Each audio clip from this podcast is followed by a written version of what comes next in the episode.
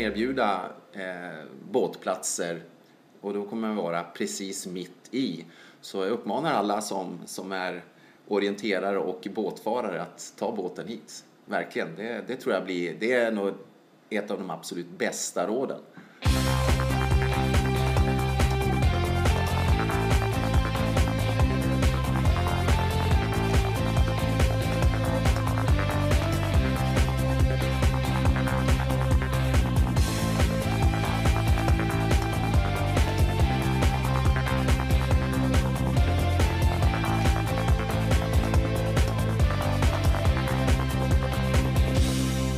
Hallå där! Varmt välkomna till ett nytt avsnitt av Radio O-ringen Podcast.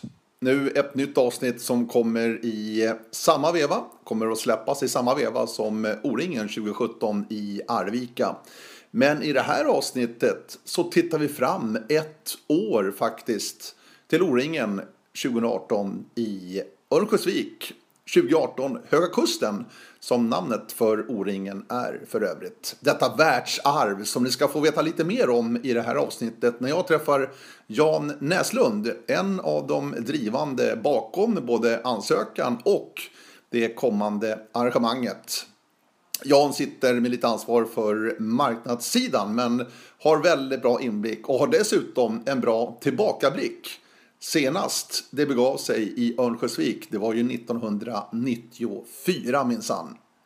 Så det här blir intressant på många sätt att titta fram emot nästa år, se hur ni ska planera inför nästa års O-ringen 2018, alltså i Höga Kusten. Och vi börjar väl med varför vi ska åka till Höga Kusten och Örnsköldsvik nästa år 2018. Jan Näslund berättar.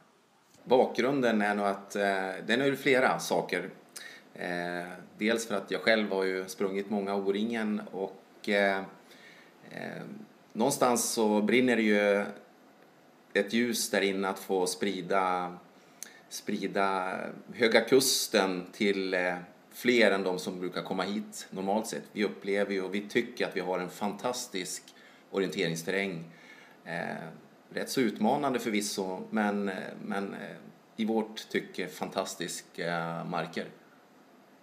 Ehm, sen eh, att eh, jag kan också tycka att många O-ringen under åren har bjudit på, på kanske inte helt optimala totalupplevelser och vi känner att här i Övik har vi någonting fantastiskt bra att erbjuda. Både med ett bra eh, koncept kring boende, Eh, nära till tävlingarna. Eh, så, så den, den känslan som vi, några stycken, hade här för några år sedan eh, kände att vi, vi vill ta det här vidare. Var det ni orienterare som började gny om det här eller var kommunen också på lite grann? Att, ska ni inte söka igen? Det var ju så bra 94. Eh, ända sedan 94 har de undrat från kommunen. är det så? ja, absolut. Det har, det har, den frågan har ställts många gånger och eh, såklart, det var ju Alltså det går ju inte att jämföra 94 med så som arrangemanget och hur, hur det genomförs idag. Eh, och det kanske var det som ändå gjorde att vi sa att ja, men nu kör vi. Eh, som vi hade förstått det då med det nya konceptet så, så eh, kändes det mer överkomligt. För då 94 var det en enorm apparat. Jag tror att vi var närmare 3 500 funktionärer och det, det skulle vara helt omöjligt idag skulle jag säga. Mm. Det här var ju innan den elektroniska stämplingen var en sån sak. Jag minns ju själv, var ju mitt första O-ringen som speaker också. Vi hade ju, jag vet inte, vi var säkert 15 man som skulle serva mig som speaker liksom på bryggan. Ja, nej men visst, på, på alla sätt var ju det någonting helt annat. Men hur som helst, eh, då för, eh, ja nu är det fyra år sedan eh, när jag och några andra entusiaster började diskutera det så kändes det som att alla var på. Vi gjorde lite korta gallupar i, i föreningarna och kände att äh, men vi kör.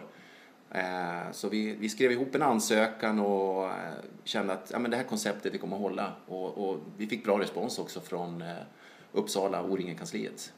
Vad är det som triggar, vad är det som gör att man vill tillbaka och arrangera O-ringen, Jan? Ja, det är en bra fråga. Nu när man är mitt uppe i det och börjar känna sig lite stressad över att det är bara ett år kvar. Eh, å andra sidan så, så känner vi när vi är ute i de olika funktionerna, det är fullt av energi, alltså det skapar ju energi. Man, det är någon form av skapande. Eh, så är det ju. Och, eh, sen kan jag inte sticka under stol med att vi hoppas att det finns en ekonomisk aspekt av det hela också. Att i slutändan ska det kunna bli några kronor över och investera tillbaka i, i vår fantastiska idrott. Mm. Det, det, känner jag och det känner vi när vi är ute i, i klubbarna och, och, och diskuterar att det, det, är en bra drivkraft. Vi vill lyfta orienteringen. Mm. Eh, och också att orienteringen rent generellt känner vi eh, har, har lyft som idrott och, och här lokalt i Övik kör vi något som vi kallar Friska Övik då, där vi bjuder in alla, alla amatörer eller vanliga svensson som inte orienterar och, och, vi får väldigt mycket positiv respons. Så det kommer ju väldigt rätt i tiden nu då med, med O-ringen också. Mm. Om vi backar bandet ändå till 94, känslan efter det arrangemanget, fick det någon effekt här i Övikstrakten, i Ångermanland så att säga, med fler blev intresserade, blev ni fler orienterare eller var alla väldigt, väldigt trötta bara? Hur, hur var ja. det? Ja, men det är väl egentligen det, det, ändå det klassiska så jag tror att många upplevt att nog, nog var det ganska tuffa år därefter och distriktet har ju inte kanske lyft. Eh, däremot så, jag menar, Örnsköldsvik är ju en väldigt liten stad egentligen, det bor 55 000 i kommunen men eh, och vi har få elitlöpare, eller inga e-, elitlöpare egentligen på, på riktig Sverigenivå. Eh, så, så vi har väl inte lyckats med det, men vi har en bred och väldigt väl fungerande orienteringsverksamhet. Eh, eh, vi har fem föreningar i, i kommunen som håller på med orientering på en hygglig nivå. Så att, och det, det, har egentligen inte varit någon skillnad då från 94 och framåt utan det har rullat på ganska så bra. Men visst var det tuffa år. Eh, och det har ju funnits också en rädsla såklart nu när vi hoppar på tåget här att eh, det, det kan bli tuffa år men, men eh, vi, vi känner att det här kommer att bli bra. Eh, och också att vi väljer att ha ett koncept med, med eh, korta avstånd gör ju också att det blir lite lättare att, eh, att genomföra arrangemanget när föreningarna är väldigt nära varandra. Det är kort till möten och så. Mm. Och det, det gör att det går åt lite mindre energi faktiskt. Mm. Det ska vi prata om alldeles strax. Här. Väldigt kompakt och det är väldigt unikt stadsnära verkligen när det gäller O-ringen stad och annat när det gäller Fjällräven Center där Modo Hockey huserar. Men till att börja med, 2019, Höga Kusten heter ni. Mm. Ångermanland var 94 kommer jag ihåg, ja. men nu är det Höga Kusten som är liksom namnet på O-ringen. Varför blev det så? Eh, ja, det var, jag kan väl egentligen säga så här, det föll sig då rätt så naturligt eh, när vi hade våra första kontakter med eh, O-ringen AB och Henrik Boström, vdn där, så, så var det ju egentligen bara det som gällde. Att han hade identifierat att eh, Höga Kusten det är ett bra varumärke. Och, eh, lokalt så jobbar man i kommunerna väldigt mycket med just varumärket Höga Kusten. Eh, så vi kände ju själva att ja, men, om det är det som säljer så kör vi det. Eh, sen att arrangemanget i huvudsak genomförs eh, bara i, i Övik, det är en helt annan sak. Vi hoppas ju och tror att många kommer att vilja uppleva Höga Kusten med allt vad det innebär. Eh, och, och, med de Eh, turistattraktioner, om vi får kalla det så, eh, mycket i naturupplevelser som finns i Höga Kusten. Så eh, det, det känns helt rätt med det varumärket. Mm. Ett världsarv är ju Höga Kusten, naturscenerier som du är inne på Jan. Mm. Tror du att det kan locka några andra också hit? Alltså som, är, som springer orientering, men mm. att även Höga Kusten är en del som lockar? Om man inte har varit här förut till ja. exempel? Eh, nej men det tror jag. Eh, Höga Kusten eh, innebär ju precis vad namnet antyder, mm. en hög kust. Eh, och det är väl det som ändå är dramatiskt, att vi har en landhöjning och det är lite fascinerande eh, just kring eh, då världsarvet och varför det är ett världsarv. Det är ju inte just att kusten är hög utan att den höjer sig varje år högst i hela världen. Och enligt mätningar så är det faktiskt ytterligare 500 meter kvar av landhöjning. Så att, eh, det är, har, många, det är många år det. Det är några år kvar. och det har gjort att, att vi har en, en geologi som är väldigt spännande. Eh, med, med, eh, med de här höga höjderna alldeles in till havet med en fantastisk skärgård dessutom. Eh, så vi hoppas ju, vi, vi, vi är övertygade om att många som kanske normalt sett eh, inte söker sig till, till de här trakterna väljer att åka hit. på grund av Höga Kusten och kanske inte just på grund av att vi ska också springa O-ringen. Utan Nej. det här kombon tillsammans blir väldigt bra. Du, du som är här från stan, från Mm. Örnsköldsvik. Nämn några pärlor från, ur din horisont som Mm. du kan bjuda på. Ja, det går inte att komma ifrån att eh, nationalparken Skuleskogen är en, en höjdare. Eh, och den datorgenererade karta som, eh, som nu finns över området är ju en fantastisk eh, kompis eh, på långpassen. Eh, helt unika upplevelser med gigantiska hällmarkspartier och knotiga tallar och eh, vyer över havet, eh, Ulvöarna och så vidare. Så att det är ju en otrolig upplevelse när man är orienterare och gillar att, röra på sig. Eh, för alla som har åkt E4 förbi Övik så har man ju passerat Skuleberget. Om man inte ska gå långa vandringar så ett stopp där är ju också väldigt häftigt. Man kan göra via Ferrata klättringar, alltså ta sig upp för den här 200 meters klippan. Eh, väldigt säkert och tryggt, men en underbar upplevelse. Så det är några. Sen hela eh, Norrfällsviken, Nordingeråhalvön med, eh, med eh, både sandstränder och eh, fina restauranger som finns där ute kopplat till ändå en, vår matkultur här uppe med surströmmingen som en, en liten knorr. Så det finns ju några sådana höjdare, absolut. Och, och jag nämnde ju Ulvöarna och, och, och, och kustremsan, det är ju fantastiskt. Och vi har ju också ritat kartor där ute så att är man sugen på båda deras så finns möjligheten. Du, eh, det här du berättar om nu, står även turistsidan redo liksom för O-ringen här i Mm. Övik och Höga Kusten? Eh, absolut. Eh, de, eh, sedan ett par år tillbaka är de ju organiserade nu så att det inte är enskilda kommuner utan det är Höga Kusten som är ett gemensamt turistbolag som, som driver eh, turistfrågan och jobbar ju väldigt mycket med att skapa enkelhet i att kunna komma ut till de här olika turistmålen. Eh, så vi har ett jättebra samarbete med eh, Höga Kusten Turism och destinationsbolaget. Och för alla som är intresserade av just den turistmässiga delen så för de som besöker Arvika kommer det att finnas alla möjligheter där att få både träffa den eh, organisationen och få veta om allt om vilka turistmål som gäller och till och med köpa paket om det är det man vill göra och göra det enkelt för sig. Eh, O-ringen, Höga Kusten 2018. Hur, hur många klubbar är ni? Hur är ni organiserade för att Mm. dra runt det här stora arrangemanget? Vi är nio föreningar och det är ju väldigt få föreningar och flera av dem är ju, är ju eh, ur ett orienteringsperspektiv eh, minimala med ett fåtal orienterare.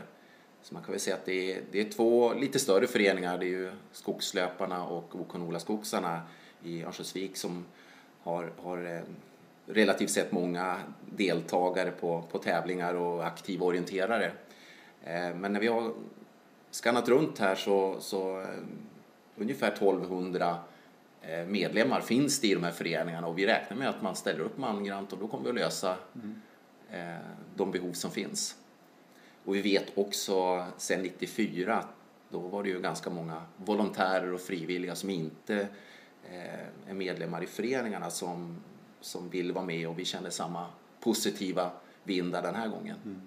Eh, vi var inne på det här med, med kommunen som verkligen har hoppats att ni ska söka igen och få arrangemanget igen. Så där är väl dörrarna öppna. Mm. Oh ja. Mm. Kommunen och regionen också. Att de, och de vet också vad det handlar om, ungefär. Så är det ju.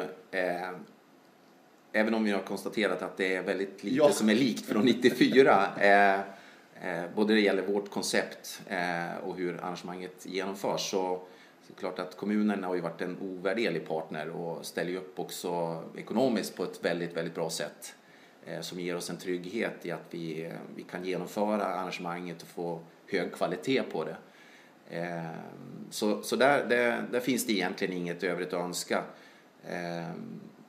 Och jag tror ju också att, att det här konceptet som vi har fastnat för, ja det är ett relativt sett kostnadseffektivt koncept för, för vår del. Eh, Vi behöver inte bygga upp eh, stora nya anläggningar för eh, VA och annat. Så det, det känns bra. Eh, vi kommer in på det. Eh, O-ringen-staden är ju, det är ju lika med Örnsköldsvik. För Så är att det. det är ju extremt centralt, O-ringen-staden. Men jag tänker camping och allt annat. Men om vi börjar med O-ringen-staden. Fjällräven Center kommer bli ett nav här, alltså Modo Hockey lirar sina hockeymatcher på vintern. Precis. Eh, Fjällräven Center som är en, får man säga då, en toppmodern eh, arena då, eh, som innehåller mycket bra funktioner för, för ett eh, O-ringen-torg och så, så det kommer att bli jättebra. Men alla som har besökt Övik vet ju också att vi, vi har en eh, geografi som är lite speciell. Vi, har, vi är helt omringade av höga berg. Stan är, är inklämd mellan eh, några av dem och eh, relativt sett få stora öppna ytor och fält. Eh, så vårt koncept innebär ju att vi kommer erbjuda då stadscamping eh, som är precis vad det innebär då, det vill säga inte särskilt mycket grönt gräs och öppna fält. Men för den som då önskar den typen av camping så erbjuder vi det också lite utanför stan men det kommer vi lösa med, med bra kommunikationer och, och den som väljer då det här alternativet utanför själva stadskärnan kommer ju däremot att ha väldigt nära till eh, etapperna istället så att eh, jag tror alla kommer uppleva att man, man kommer att få precis eh, det man önskar. Eh, sen har vi ju redan nu varit ute och, och jobbat och lobbat med, med Öviksborna här för att få dem att hyra ut sina hus, lägenheter. Så det börjar trilla in eh, boende, bra boendealternativ för den som då inte vill bo i husvagn eller husbil eller tält.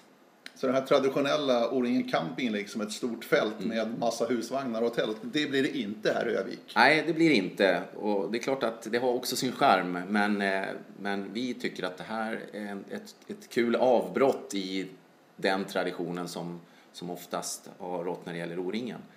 Eh, Man kommer ju istället få då en, en möjlighet att eh, bo centralt. eh, eh, Öviks eh, alla affärsidkare, alla som driver restauranger det känns som att de är på tårna och vill bjuda till så att man får en, eh, en riktigt schysst upplevelse och att hela stan ska leva och, och vibrera av O-ringen och O-ringen fest. Eh, det har vi liksom sagt som en, en, en, en ett, ett, det är ett viktigt ord för oss att det ska vara en fest, en fest för Övik, en fest för alla som kommer hit och man ska känna att det är något av en festival. Eh, självklart eh, ställer det höga krav på oss att vi tillhandahåller eh, ett bra O-ringen torg, en bra upplevelse där, bra upplevelse för unga och, och även oss som är lite äldre då. Men, men jag känner att vi har ett bra koncept på gång. Men att ni har O-ringstaden så pass centralt här nere vid Fjällräven Center, som ligger precis nedanför stadskärnan här i Mm. Övik. Är- Är det bara fördelar? Finns det nackdelar också med det här tror du? Eller är det bara en, en, en stor fördel så att säga, att man verkligen har staden in på knuten? Nackdelen är, är ju, jag menar, vi ska inte sticka under stol med att, eh, att eh, vi kommer inte att vimla av parkeringsplatser om man nu tar en sån enkel sak. Eh, å andra sidan ligger Fjällräven Center eh, eh, mitt i stan så att oavsett om man bor eh, norr om, öster om eller väster om så kommer man ha ungefär lika långt eller lika nära till O-ringentorget. Eh, och Fjällräven Center ligger ungefär en 400 meter, 400-500 meter från Stora torget.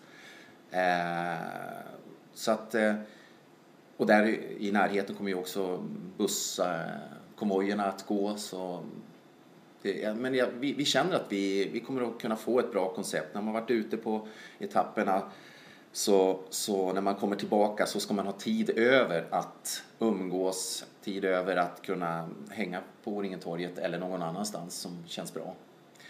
Eh, och, och Övik ligger ju då som sagt, eh, en- havsvik eh, ligger djupt inbäddad i, i Örnsköldsviksfjärden och där, där Fjällräven Center då ligger i precis anslutning till det så det är, är havsnära. Och, och när vi är inne på det så hade vi en ambition att eh, ta hit en, en Finlandsfärja men, men tyvärr av ekonomiska skäl så går inte det men vi kommer hitta bra alternativa boenden i alla fall. Men jag tänkte man kan ta en egen båt hit och ankra upp. Precis så är det, det. det är inte så dumt. Nej, och faktum är att det, det är ett antal eh, som har besökt oss vid tidigare O-ringen och, och undrat just kring den frågan och vi kommer erbjuda eh, båtplatser och då kommer vi vara precis mitt i. Så jag uppmanar alla som, som är orienterare och båtfarare att ta båten hit. verkligen. Det, det tror jag blir, det är nog ett av de absolut bästa råden. Ja, verkligen. Ja, så det blir, det blir kanon tror jag. Ja, underbart. Det är riktigt, riktigt trevligt.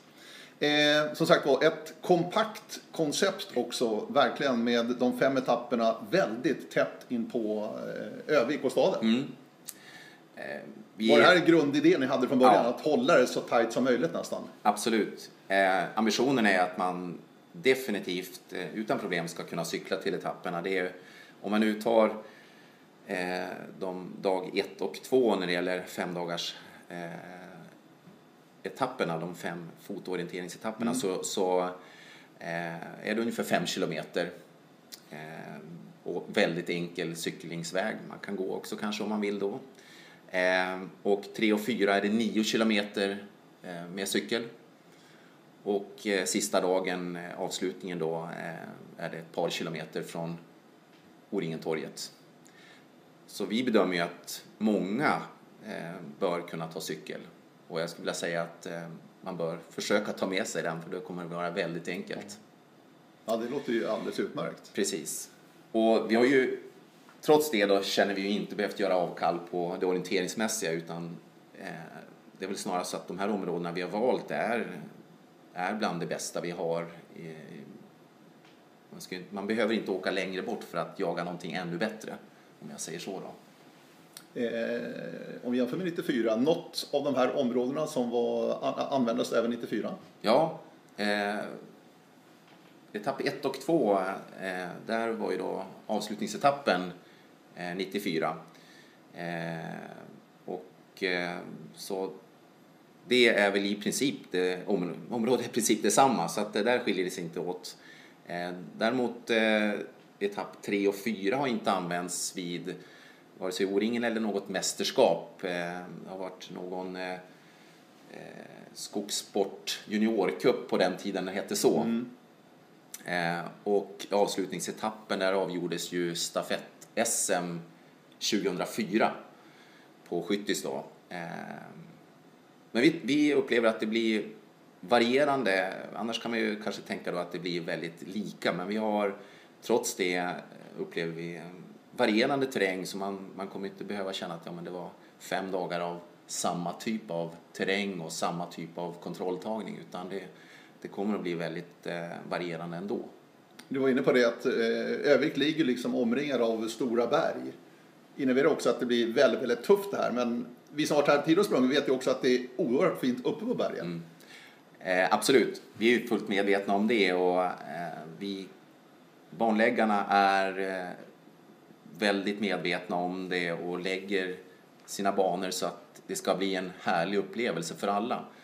Eh, eliten kommer självklart att få sitt lystmäte men även eh, motionärer och andra vill vi ska kunna känna att när jag har gjort mitt lopp så, så ska det vara en skön känsla att man har fått uppleva bergen men inte bara att klättra utan eh, fått se lite vyer och, och, och så att eh, vi, vi är väldigt med, väl medvetna om det och kommer att kunna göra det bästa av det. Sen eh, kommer det bli kurvor för alla. Ja, så är det ju. Vi vi är ändå i Övik. Absolut. Höga kusten. Absolut. Du, eh, nytt nästa år blir ju också att det är två stycken medeldistansetapper. Ja. Det är ju första gången vad jag vet. Eh, Ja, på fem du- dagars. Det har du säkert bättre koll Nej, på. det, men jag tror att det är så. Ja, eh, precis. Och det är ju, en av anledningarna är ju precis det här att vi, en medeldistans kommer att bli tuff ändå. Liksom. Eh, Så, så, eh, men vi, vi tror inte att någon kommer att, liksom att sakna att man inte fått springa fyra tuffa dagar. Eh, Har ni gjort någon marknadsundersökning på det här eller har O-ringen gjort det för att kolla hur det är? För att tittar man i tävlingsprogrammet så är det ju fler medeldistanstävlingar än långdistanstävlingar i dagens läge. Ja. Eh, nej, det, det finns ingen marknadsundersökning gjord. Nej. Utan, eh, och jag vet inte heller om det är ett koncept som kommer att gälla framgent. Eh, när vi har tittat på 94 eh, och, och jämfört med banlängder och så vidare så, så ser vi ju där att det, det kommer inte vara något problem med medeldistans för vår del. Eh, deltagarna kommer uppleva att man får fem bra tävlingar ändå. Ja. Tre, tre stycken arenor blir det. Tre arenor. Ehm, I och med att etapp 1 och 2 på samma ställe, 3 och 4 samma ställe och 5 då på Skyttis. stämmer bra det. Ja. Ehm, klart, i de bästa av världar så kan man dra ner det till två. Det är ju någon sorts ambition för att få ett så effektivt arrangemang som möjligt. Men vi kände tidigt att eh, tre var det vi ville jobba på.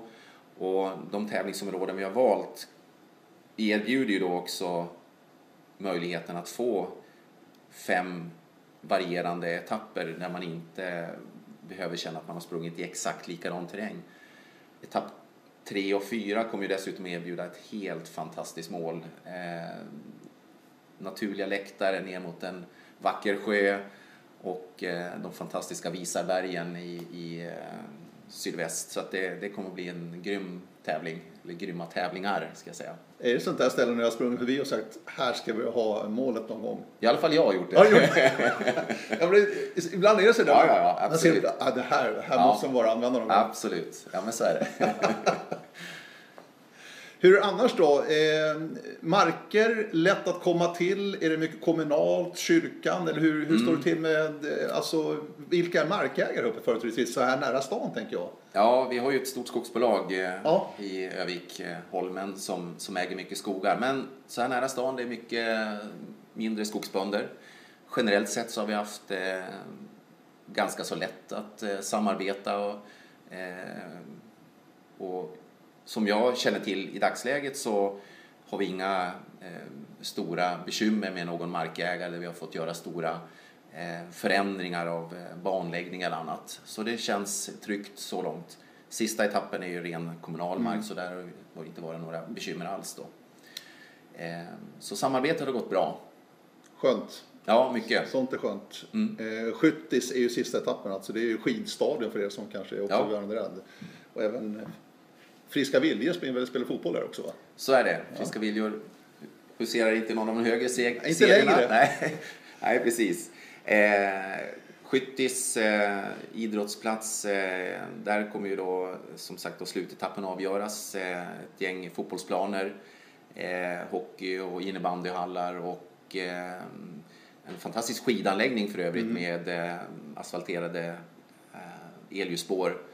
Eh, och eh, det är klart att i närområdet kring Skyttis är det ju precis ett närområde men eh, delar av det är också väldigt fysiskt utmanande med, med en väldigt eh, häftig söndersprucken kustterräng också. Men då inte lika mycket berg som de övriga etapperna. Och lite annan planbild så det kommer bli en, en spännande slutetapp. Men det är ju grymt fin terräng. Oh ja, det är fantastisk terräng. Vi är lite, kanske lite bortskämda. jag tror så. det, jag tror det är lite hemmablinda faktiskt. Ja, ja, så kan det nog vara. Så kan det vara. Jag var inne på det, eliten är ju en viktig del, precis som ungdomar under O-ringen, men eliten och elittouren som det nu heter från och med i år ju. Eh, hur ser planen ut där? För att en sprint ska ju ingå, eh, även för juniorer nu från och med i år också. Ja, Hur är planen där för elittouren och programmet för dem? Eh, för övrigt känns det ju jättekul att Elittouren har kommit till och att den, den delen av O-ringen-tävlingen eh, utvecklas. Eh, tyvärr ligger ju VM i relativt nära anslutning så Efter. Efter, ja precis. Eh, vår förhoppning och ambition är ju att definitivt att elitsprinten ska bli en eh, massmönstring av världselit, åtminstone Sverige-elit. Och där eh, tycker vi att vi har ett bra koncept. Eh, Övik är ju en, om man får kalla så, en fyrkantig stad när det gäller just eh, bebyggelse och, och, själva de centrala stadsdelarna. Men vi har en kupering så att jag tror att det kommer bli rätt så spännande och, och eh, ja, bra banläggning där så, så, så blir det utslagsgivande tävlingar. Ehm, och i, i övrigt som sagt då så vet jag att banläggarna har, ligger lite kortare än vad man normalt sett har gjort på O-ringen. Det kommer att bli för tufft annars, förutom då sista dagen när man ligger mer på normala banlängder. Eh, och konceptet i övrigt är ju det är två långdistanser och två medeldistanser då och en, en sprint. Eh, och eh, återigen, vi ska göra allt vi kan för att försöka anpassa det så det kan bli så att vi får ett riktigt, riktigt spännande startfält. Där har vi en, en idé på hur vi ska få fram det. Så du säger att ni ska försöka få hit eh, löpare som bara springer sprinten liksom här för att lyfta den tävlingen till jättehöga höjder. Ja, det är, det är vår absolut ambition. Och du pratar ju VM-löpare egentligen som ska springa VM Ja. en dryga vecka efter i Lettland. Så är det. Vi, vi, vår indikation på det är ju att man bedömer att det kanske är till och med en optimal uppladdning att eh, få det här loppet och tillsammans med, med eh, de prispengar som faktiskt O-ringen erbjuder idag eh, är ju inte helt eh, oväsentliga. Så, så med ett bra koncept och med den organisation vi har för, för Elittouren så, så hoppas jag att vi når ända fram och når vårt mål med det. Mm. Eh, I fjol under O-ringen i Sälen då, 2016 så eh, var det en presskonferens, det var buller och bång. Världskuppen till Övik, Höga Kusten 2019 eh, förmedlades och kommunicerades på en presskonferens i Sälen. Men det där gick ju lite väl fort för att av det har vi inte sett intet efter det. Nej, det är ju trist. Eh, såklart. Eh, det hade varit oerhört häftigt om eh, Internationella orienteringsförbundet och O-ringen kunde ha skakat hand på riktigt. Eh, och vi ska inte grotta mer i alla de där turerna. Eh, men men eh, jag hoppas både för O-ringens skull men kanske framförallt för orienteringssportens skull att man lyckas sy ihop det här konceptet. För jag tror att det skulle, ja det lyfter ju O-ringen men det skulle också lyfta orienteringen generellt. Det skulle ge ett helt annat möjlighet att skapa en, en medial uppmärksamhet som man kanske inte kan uppnå vid någon annan tillfälle, vid någon annan tillfälle och kanske inte ens VM då generellt sett. Ehm, Så ja, det, det är trist att det inte blev som vi hoppades och som det såg ut ett tag där under eh, Sälen, Ja. O-ringen. Du var inne på lite grann att redan nu har det börjat droppa in lite lägenheter och hus från eh, människor och boende här i Övik som vill hyra ut under den här O-ringen-veckan och nästa år, vecka 30, 2018. Annars då med boende, finns, det finns ändå hyggligt med hotellbäddar i Övik. Oh ja. Eh, Eller ganska mycket skulle jag vilja Ja, säga. det, det finns ungefär eh, tusen bäddar eh, på pratar hotellkapacitet eh, och vandrarhemsstandard standard då. Eh, så, och jag vet ju att det är, idag är ju många som söker alternativ till, eh, till eh, det klassiska husvagnsboendet. Så men visst, eh, vi, vi, vi behöver Öviksbornas hjälp. Eh, och Öviksborna har generellt sett eh, oftast en sommarstuga. Så vi, vi tar för givet att man flyttar ut i stugan, hyr ut sitt hus eller lägenhet och så kan man bo centralt i Övik och uppleva festen. Eh, så jobbar vi. Ja, det är så jag tänker lite grann också. Mm. För att hotell då, eller hyra ett hus eller lägenhet här inne i stan. Man har ju fortfarande oerhört nära till O-ringen stad. Man blir en del av O-ringen på Ja. ett annat sätt här i Övik, i min känsla. Ja, Nej, och, Även om att du bor liksom i en husvagn. Ja, men precis. Eh, och, återigen, kring det här med konceptet. Vår, vi har ju alltså ett eh, resecentrum eh, som ligger då precis i O-ringen-staden. Mitt i Övik kan man säga. Så att man kan kliva på tåget i Helsingborg och, och vakna upp här och kliva av. Ja, du får, jag vet inte hur du gör nu. men- Det är lugnt. Det är lugnt. Vi kör. Okej. Ja. Eh, jo, man kan eh, som sagt kliva av eh, eh, tåget. Man, man är då mitt i stan, eh, mitt i O-ringen. Eh, frågan om... Stänga av ljudet bara.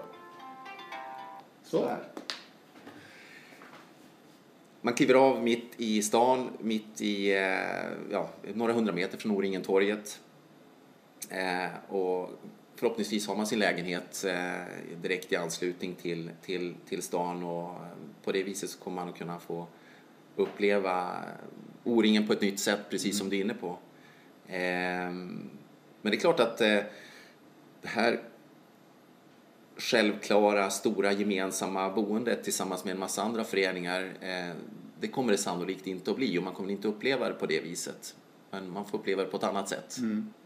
Eh, jämfört med 94 då så har hänt en jättestor grej. Det är ju Botniabanan. Mm. Som har tillkommit sedan 94. Och du pratar om resecentrum och järnväg och tåg.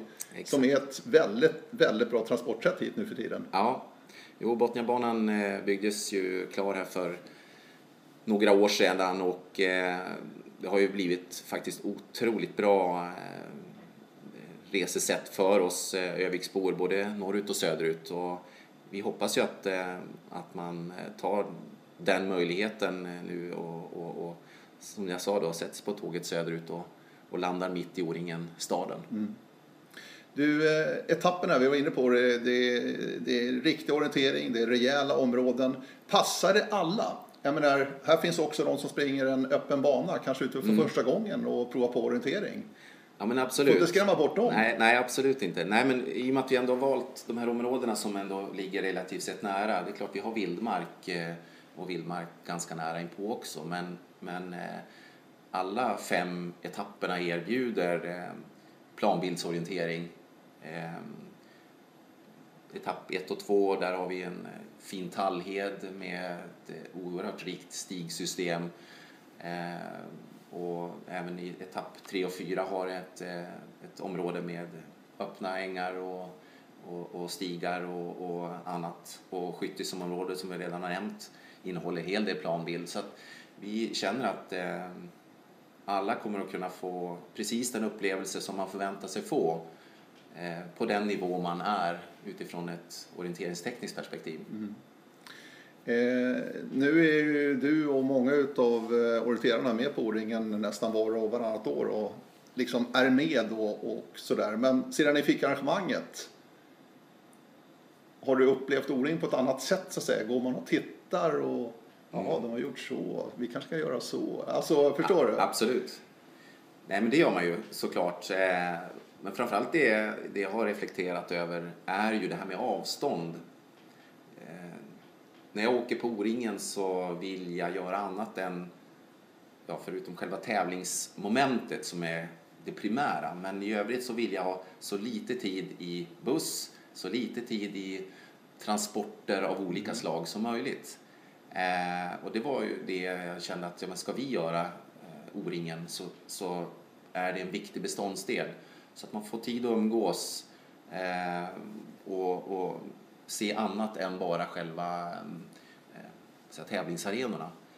Eh, så det är väl någonting som man har, jag har tagit med mig, eller vi har tagit med oss när vi har varit ute och, och tittat eh, eh och, och, försökt att skapa vårt koncept utifrån det. Mm. Eh, men självklart, eh, som, som i, i Sälen, det är klart att det var ett helt annorlunda O-ringen utifrån många perspektiv. Fantastiskt boende, men inte så centralt och för alla. Eh, så det hade sina för och nackdelar. Och, eh, tar vi andra O-ringen som Borås exempelvis som, eh, som också var ett fantastiskt fint O-ringen ur eh, många perspektiv eh, där arrangören hade lyckats otroligt bra med att skapa ett fantastiskt bemötande mm. med, en, med en bra centralort och O-ringens stad Eh, Eh, men då ändå lite på sidan om. Så att, eh, ja, det är klart man har kikat och funderat på hur ska vi klara av det. Och framförallt det här med Borås har vi försökt ta med oss kring just den här helhetsupplevelsen. Att eh, alla som blir engagerade i O-ringen ska vara väl informerade om annat än precis den uppgift jag själv har. Så att besökarna ska få en, en, en ja, en riktigt vänligt bemötande. Det tror jag är, är jätteviktigt. Och där lyckades man väldigt bra i Borås. Mm. Så det är någonting vi har tagit med oss därifrån. Du, du sa det att eh, orienteringsbanan, orienteringsmomentet liksom på dagen där, det är det primära. Är det så för alla tror du? Att det är därför ja. man åker på O-ringen? För att få springa ja. sin bana, för att uppleva den här terrängen eller den här kartan? Ja, någonstans så tror jag ändå det. Eh, att det, det är viktigt jag tycker när jag pratar med klubbkompisar som kanske inte springer så det är jättemycket ja. och är motionärer så är det ändå en, en det är, är, den stora utmaningen att ha klarat av sin bana och få jämföra lite grann med sina klubbkompisar och, och, och snacket efteråt. Det går inte att komma undan att det är ändå det häftigaste med O-ringen någonstans. Sen, sen är ju den övriga upplevelsen med klubbfikat och alla människor och få se världseliten och ja, men det är så många ingredienser eh, mm. i O-ringen som, som man vill uppleva. Men någonstans tror jag att det kommer ner till att tävlingsupplevelsen är viktig. Och det har ni också fokus på? Absolut, absolut. Den, mm. den, eh, den är, skulle jag vilja säga, i centrum. Orienteringsupplevelsen är i centrum. Och vi har sagt det från första början att eh, eh, Höga Kusten har mycket att erbjuda. Vi har våra hällmarker och vi har våra vyer och alla som kommer hit vill vi ska få en känsla av att ja, jag fick uppleva det och det var en schysst orientering eller det kanske var till och med en häftig orientering. Jag vill kanske tillbaka till och med. Det är den känsla vi vill förmedla. Eh, drygt ett år kvar nu till det är dags för er då att välkomna alla orienterare hit till Örnsköldsvik och Höga Kusten. Är ni i fas? Var ligger ni? Liksom, vad händer just nu i, i ert arrangemang och era förberedelser? Ja, eh, om någon vecka ska lapparna ut, det vill säga banläggarna har kommit en bit på väg. Är kartorna klara eller? Kartorna är inte riktigt klara. Eh, det är ju ingen, inget område som är så kallat jungfruligt område, så det finns ju fina kartor sedan tidigare. Eh, sprintkartan håller på att produceras. Eh, så, så eh, när det gäller det kartmässiga och det tävlingsmässiga så eh, har vi kommit långt på väg. Eh, planeringen av eh, boende är en annan sak där campingrutorna börjar och komma ut på kartor och hygienstationer och annat börjar planeras eh, i samarbete med kommunen. och jag vet att eh, när det gäller det som går under resedelen, det vill säga transporter från Ehm, boenden eh, ut till etapper, hur bussvägar ska se ut, vägar som ska stängas av, tillstånd som ska sökas. Så vi har kommit väldigt långt även där ehm, det vi kommer erbjuda och som vi tycker blir bra det är ju då en satellitparkering. Ehm, och det är kanske lika bra att jag beskriver det konceptet för det är ju så här att eh, etapperna ligger ju då som jag har sagt eh, relativt sett nära stan och eh, många kommer säkert att bo då i lägenheter, i hus eh, där man då väljer att inte ta sig till den Eh, organiserade busstransporten ut till etapperna.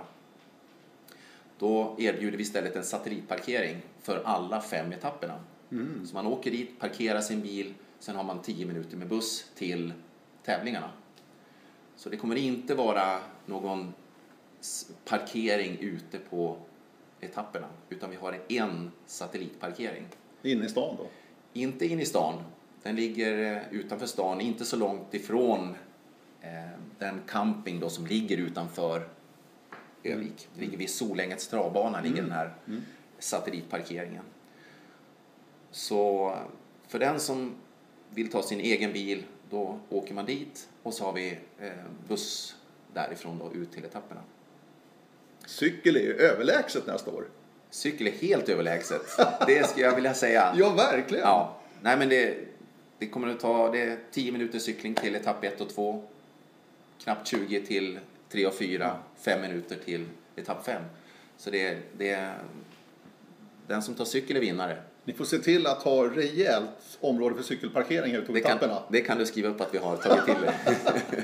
Absolut. Ja, det verkar ju verkligen en stark ja. rekommendation. Oh ja. Att pumpa cykeln och ta med den. Absolut. Det, och det blir jättebra. Då åker man från etappen precis när man vill också. Man är inte mm. beroende av någonting annat. Så det blir bra. Du, det här med, det här med campingrutorna som du pratar om mm. nu, som ni håller på att titta på just nu då, den yes. här stadsnära campingen här, för mm. framförallt husvagnar och tält kanske är svårt till och med, kanske finns några gräsplattor ja i och för sig. Men vad är det för ytor liksom ni kommer att använda? Är det parkeringsplatser och sånt eller vad är det för någonting? Ja, det är en, det är är det hamnen? Ja, det är en blandning av eh, parkeringsplatser. Eh, det finns en stadscamping idag som är, är iordningställd för husbilar och husvagnar. Eh, så den kommer vi använda. Eh, sen blir det ju såklart en del parkeringsplatser och i huvudsak har man ju också tillgång till el på de platserna. Och också gräsytor, parkytor ska jag säga. Eh, Hur många platser kommer ni ha? Hur många rutor kommer ni ha jämfört med en vanlig O-ringen-stad liksom? Vi kommer att ha lika många rutor. Det är så? Vi kommer erbjuda lika många rutor som man gör i Arvika. 2 500 mm. rutor. I centrala Övik så kommer vi erbjuda då knappt tusen rutor och ett och ett halvt tusen på satellitcampingen.